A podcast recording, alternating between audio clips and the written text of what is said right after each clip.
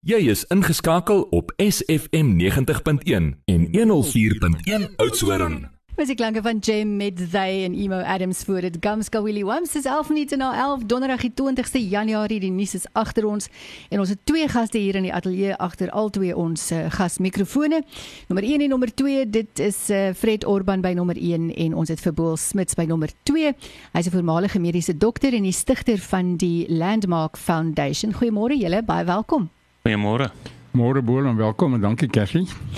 Uh, Fred, ons gaan eintlik 'n bietjie oor regsaake gesels. Dit gaan nog steeds die omgewing raak, maar dit is ons ons met ons regshoetjie op hê vandag. Ja, kyk, Boel is bekend as een van die groot vegters vir die regte van wilde diere. Mm. Jy weet, uh kyk jy die ander gevegte wat oor die uh makdiere gaan soos honde en katte en beeste en so, maar Boel is 'n groot vegter daarvoor. En hy gaan 'n bietjie verduidelik uh wat die onlangse hofsaak wat daar was, hoe dit ontstaan en wat was die uitslag daarvan gewees en wat beteken dit mm. vir die regte van diere, wilde diere. So well, that's roughly in layman's terms what we are going to talk about today, but why are you excited about the outcome of this litigation? Um, at Landmark Foundation, we, we've tried to be a voice for advocacy for wildlife, and we've got a particular interest in leopards, but all human wildlife conflict animals. And a couple of years ago, we became increasingly more concerned that our activities have a limited impact. Um, and we questioned why it is. And it really comes down to the law and how the law treats wildlife. Uh, and it has an interesting history. Um, if we, we look at our legal tradition, which essentially emanates from Roman times, and it was bastardized by the Dutch and subsequently had some English influences. But we had a long tradition of, of the common law that developed through precedent uh, through, through many generations. And it was interesting to note how the common law dealt with wild animals. They treated it in, in legal terms as res nullius, meaning it belongs to no one until it does belong to somebody, and that belonging usually happens through a permit system. Mm. Either a hunting um, notice of each year that allows you to hunt certain animals and you become the owner of it once you kill it or through a certificate of adequate enclosure, and you end up owning the animals that are adequately enclosed by that certificate. So, so it's treated as property. So, and, and that's how livestock is treated. It's your property, and wildlife become your property once the permitting is issued. Now, comes along our constitution in 1996, and we view certain assets in the environment as being part of the commons, commonly owned by the people and the republic. And the government moved forward with some of that. The mineral rights, water is nationalized assets. Biodiversity, if you read the legislation, talks about it as being the assets of the state and, and in the custodianship of the state. But an in- interesting schizoid dance takes place when, when the state develops um, legislation whereby it accommodates the common law. And, uh, and what, what then um, happens is through provisions in those acts, it, it then allocates ownership to it. So it does this little dance, and then suddenly wildlife is, is owned by private individuals. And in repeated actions to try and speak out for animals, it always comes down to that issue about how people are allowed to behave towards um, wildlife. Now, animals have no rights in South Africa, only humans have rights. Mm. And our constitution really laid out very clear bill of rights but rights are only things on paper until you assert them. Yeah. And we wondered and we asked ourselves the question is there not a mechanism in our advocacy where we can assert some of those rights for mm-hmm. people to create the environment that's better for wildlife. And that's the source of the conflict that led to the court case. Um, okay. So we're going to take uh, a break. Zander Jouberg gaan vir ons musiek maak met uh, hoeveel keer ek aan jou dink. En dan gaan ons verder gesels met Dr. Boel Smits. Hy is die stigter van die Landmark Foundation en Fred Orban is saam met hom hier en ons praat oor die baie interessante verwikkelinge in die regspraak rondom wilde diere. Dis musiek van Zander Zander Jouberg daar hoeveel keer ek aan jou dink is 19 minute na 11 en ons het twee gaste in die ateljee. Is Boel Smits en Fred Orban. Ons praat oor litigasie wat wilde diere nou raak. Fred dit was maar sleg vir diere gewees tot nou nê Cathy Boel ek hoor van Boel wat hy sê dat as jy 'n plek omheen is alles wat die diere in daai plek is behoort aan jou. Hmm. wilde diere praat ek nou van Maar lyk my hierdie hofsaak uh, sit 'n uh, groot vraagteken op. Jy kan nie met daai diere lyk my doen wat jy lus het om te doen nie, maar ek sal graag ons ons ja. kom luister wat sê bo want ek verstaan die hofsaak nog nie heeltemal myself ja. nie. En dis hoekom ek so bly is dat hy hier is.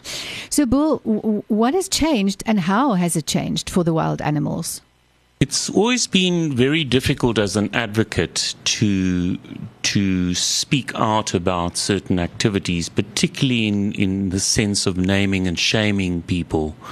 Because sadly, a lot of our legislation allows the behavior that takes place on farms, on game farms, and even along the coast. Um, and, and it's very difficult to pass comment and link it to uh, an individual operator. So we we have for years been speaking out about gin traps and um, the decimation of animals like baboons and, and other wildlife that gets caught in bycatch, porcupines, and and a lot of those activities take place behind the shield of private ownership of land.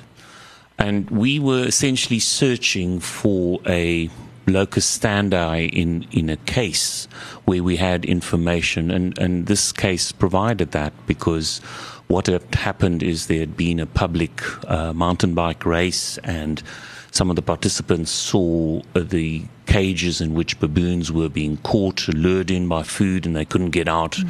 and they were killed in the cages and and sent us these images, which we then basically um, published and published the details of the owner and um, and everything that he had placed in the public domain. We published and brought it to public attention.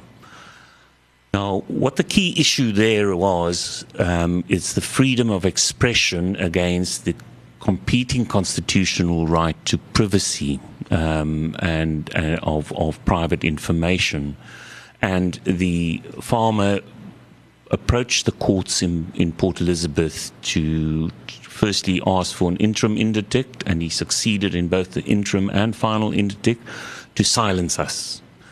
Uh, we fundamentally knew this can't stand because what the implications are, not only for us as environmental advocates, but also for social advocates, educational advocates, mm. uh, economic advocates, political advocates. If you are silenced to speak out against action that might be lawful, mm. but it's questionable in ethics, mm. cannot be right. And, and it's on the basis of that that we appeal the judgment it's a Supreme Court of Appeal which was heard in November last year, and we got the judgment in early January. And and this the original interdict and the findings they were all overturned. They were all overturned, and we were granted costs as a result of that. Now, obviously, the the respondent in the appeal case is entitled to to appeal it further, mm. should they be granted that leave to appeal at the Constitutional Court. Mm. But be that as it may, wherever it goes, we will defend this right because we believe it fundamental, not, as I say, only for wildlife conservation advocates, but all sorts of other sectors. Yeah, we do because have uh, opportunities. Sorry to interrupt you, but we do have different ways of doing things nowadays. And you can't just say, well, the wild animal is bothering me on my land. You can phone the experts and they will come and help you to manage this wildlife problem that you might have on your land. Yes, yes, absolutely. And, and that is available to people, but there is a resistance to it. Mm. And sadly, this is where government comes in. Government allows some of these practices. Mm. So they're complicit in it. Um, for instance, the trapping of baboons in the Eastern Cape and the trapping of porcupines is expressly legally allowed each year in the hunting notices. And it happens in all provinces, provinces in a certain uh, similar way. Um, and people get away with it, but they, they are protected from this scrutiny of the public because what the court actually says, and it's fundamental, it says, firstly, if you place your information in the public domain, you cannot come at a later stage and claim privacy to that information. Mm-hmm. That number one. Mm. And number two, it said, if you enter the public domain by virtue of produce you produce or activities you involve with that are public activities, you've voluntarily entered that domain and you can't reasonably rely on some sort of secrecy protection mm. against being criticized for what you do, be that legal or otherwise. Mm. Uh, and I think that was the important aspect of the law that was clarified by the Supreme Court of Appeal judgment. Fred, ons gaan net so 'n bietjie verder gesels, maar maar jy weet die as mens nou dink aan die eystervarkies en so wat daar in strikke of wippe gevang word, dit is maar 'n pynlike proses. Dit is nie 'n mooi manier van van wildlewe bestuur nie. Ja, die probleem is mense respekteer nie die gevoelens van wilde diere nie. Jy verstaan? Ek kan Wel die dan, feit dat hulle pyn kan ervaar. Ja, dat hulle pyn kan ervaar nie en gevoel het nie en emosie het nie, want mense erken dit net nie. Maar dit bring my terug na waar ons is. Ons is op die see. Uh, ons bly by kus en ons hierdie radiostasie is baie van die kusgebied betrokke. En as ons 'n haai byvoorbeeld uitsleep op die rots en ons gooi hom terug op die klippe en daai soort van goed. Die die wetgewing of die die, die oordeel wat die hof gevel het, lyk my is van toepassing op wilde diere wat uit die see uitkom ook mm. en miskien uit riviermondings uit. Ons gaan net nou so 'n bietjie meer kyk na presies wat die hof daaroor gesê het want uh, wat ons nou tot nou bespreek het het maar gegaan oor die regte van privaatheid van die persoon betrokke. Maar kom ons kyk hoe raak dit die wilde diere in meer besonderheid. Dis Justin Serrayo volgende met Not Fighting. Jou musiek. SFM Dis 'n minuut na half en ons sluit af met die gesprek met Fred Orban en Boel Smits. Boel, what has changed now for the animals? Uh, do do our courts regard them as sentient beings? Yes, there's been um, repeated judgments that have given recognition to the fact that animals ha- uh, have sentience. And although that doesn't um, infer or um, apportion rights to animals, it does apportion obligations upon the humans that have rights to behave in a manner that is acceptable. Um, and that, that I believe, um, together with our right to express our views as advocates about the way people behave towards these animals, is the seminal advance that came for animals through this judgment. And, and therefore, I, I do believe the implications are wider than just animals in traps. Um, I know there's concerns around the coastal use of biological resources and, and, and animals um, that are also implicated in that. So I think it, it is, um, there's never clear cut issues as I understand in the law, but there's incremental gain. And I think we, we crossed the critical hurdle mm. um, in our fight for a better dispensation, certainly for wildlife, but maybe even beyond that. And this was in the appeal court? It was in the Bloemfontein Appeals Court. Um, it was my first experience in that court. And I must say, I was absolutely blown away by the experience. Um, the fact that it was a full bench of five justices um, absolutely blown away how read into the case they were, and even beyond the case and precedents in law, and under what pressure they put the opposing counsel um, in dealing with the matter. Um, it was quite an experience, and I must say, I walked away, even if the judgment went against me, I felt I had a good shake at it. Um, fortunately, in this case, the judgment came with us as a unanimous decision. Favor. Yeah. yeah. yeah. Indeed, that is why we do have those courts and why we do have five of them sitting up there helping us to make the right decisions. So Fred, dit is 'n so klein treetjie vorentoe vir die wilde diere. Uh Cathy, mense wat 'n dier mishandel, hou nie daarvan om blootgestel te word nie. Mm.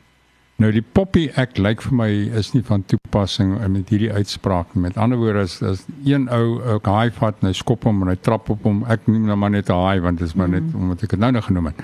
Dan kan hy eintlik foto's van hom geneem word, kan geplaas word, hulle kan sê waar hy werk en so aan. So dit kan baie skadelik wees vir mense se selfbeeld en vir die beeld van wat se besigheid hy ook om verteenwoordig. Mm. So ek dink is 'n baie belangrike uitspraak wat nou gekom het en dan gaan baie meer uitsprake kom want die wêreldbewustheid is daar wat nou sê dat ons is deel van die natuur wat ons elke week in elk geval op hierdie program sê ons moet die respek toon teenoor ander as daar respek getoon word teenoor ons. Dis eintlik ja. wat dit vir my beteken hierdie hele uitspraak. Inderdaad.